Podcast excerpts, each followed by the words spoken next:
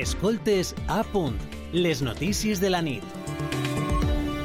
I fa uns dies, el passat 8 d'octubre, es va commemorar el Dia Europeu de la Donació d'Òrgans, Teixits i Trasplantaments, una commemoració que tracta d'incentivar les persones a donar els òrgans i així poder salvar la vida d'altres persones. Espanya continua sent referent mundial com des de fa 30 anys quant a donació d'òrgans i duplica àmpliament la mitjana europea i multiplica per 4, per exemple, la taxa de donació d'un país com Alemanya.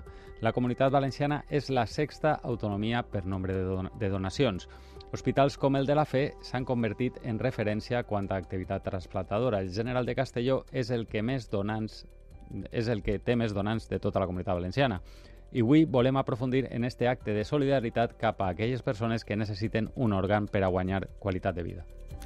I per a fer-ho, coneixerem un cas concret, el de Xavier Franco, un home a qui fa 16 mesos van trasplantar de ronyó.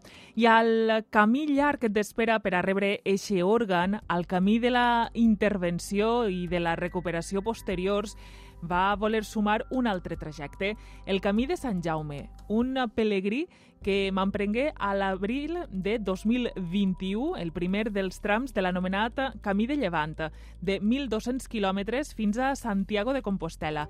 Allí, que és eh, així, que es va posar còmode i va fer a peu 228 quilòmetres en 8 etapes.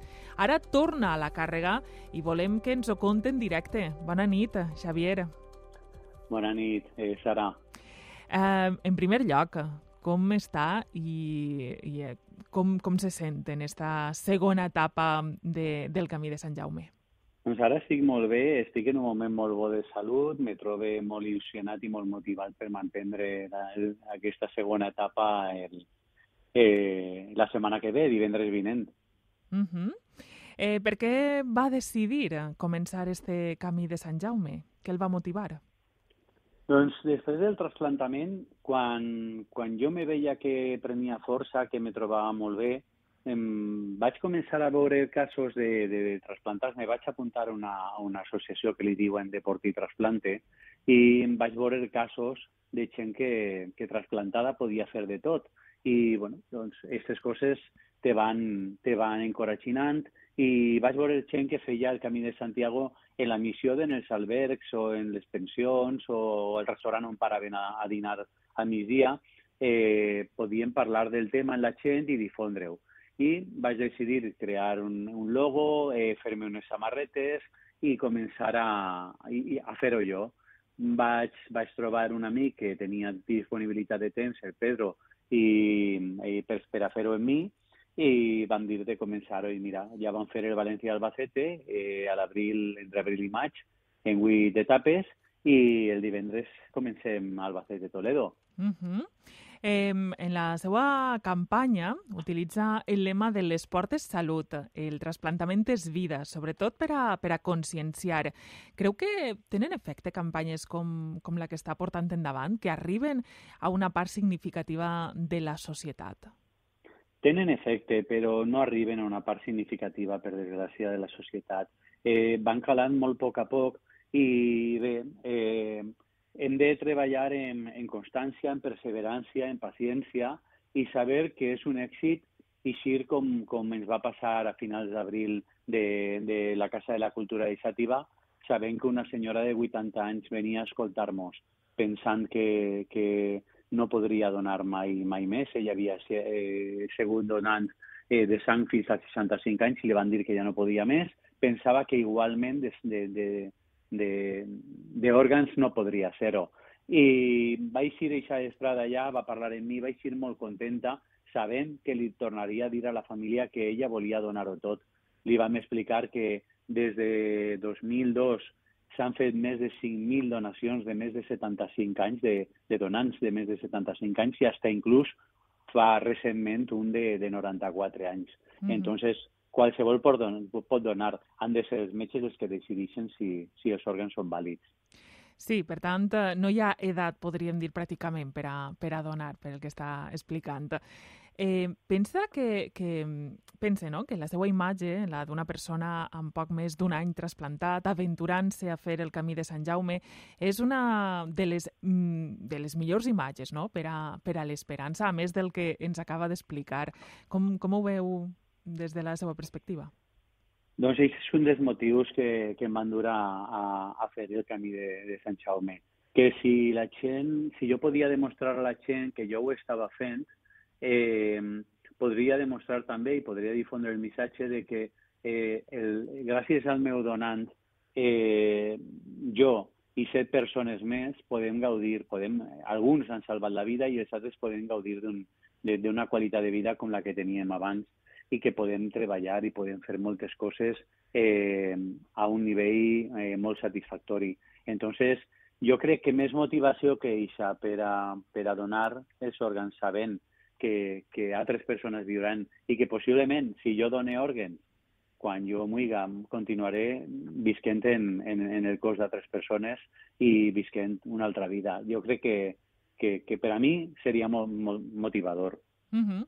eh, volem saber també com el rep la gent als pobles on fa cada parada, en cada etapa.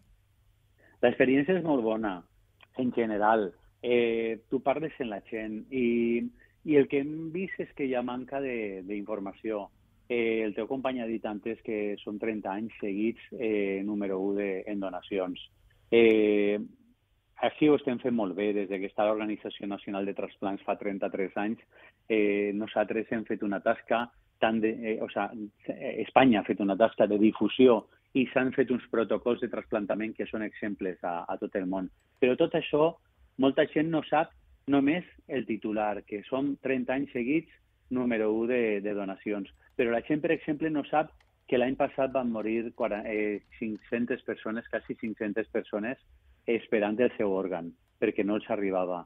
I això va ser una altra de les causes que em va eh, llençar a la carretera. Eh, comunicar i comunicar, xerrar, xerrar, per a que la gent sàpiga que, que, que fa falta més òrgans, que fa falta més conscienciació encara. Uh -huh. I una última pregunta. Ens pot fer un resum de les etapes que queden a partir de divendres des d'Albacete eh, fins a arribar a, a veure el Sant a l'Obradoiro? Perquè, en principi, vol evitar el fred de l'hivern, no?, en travessar Castella. Sí, sí. Què tenen previst? Sí, quan vam veure que de València a Santiago s'havien de travessar les dues castelles, vam, vam pensar que, que no podíem amar-nos més enllà de, de, de, d'octubre ni antes de, de primers d'abril o finals de març. Entonces van pensar eh, fer-ho en dos anys, perquè volia fer tot l'any passat, però, o sigui, este any, però no podia ser. Entonces, ara ja terminarem en esta setmana, eh, que comencem a partir de divendres que ve, eh, terminarem Tole eh, Albacete-Toledo, farem vuit etapes, passarem per la Roda, per el Toboso, per, per Sant Clemente, passarem per, per diverses etapes de, de Castella, de la Manxa, i després farem, no sabem encara les dates perquè les hem d'anar definint, però voldríem arribar antes o després de l'estiu següent a Santiago, passant primer per el tram de Toledo-Medina del Campo, després arribant a Pobla de Sanàbria i després ja fent l'últim tram fins a Santiago. Mm -hmm. Doncs esperem eh, que, que vagi tot molt bé, que la pluja no sigui una molesta, una molèstia si és que plou i el fred, eh, com han dit, que, que eviten. I sobretot quedar-nos en aquest missatge, no? que fins i tot eh, quan es pensa en la pròpia mort, eh, també es pensa en que si es donen òrgans, després la vida continua en el cos d'una altra persona.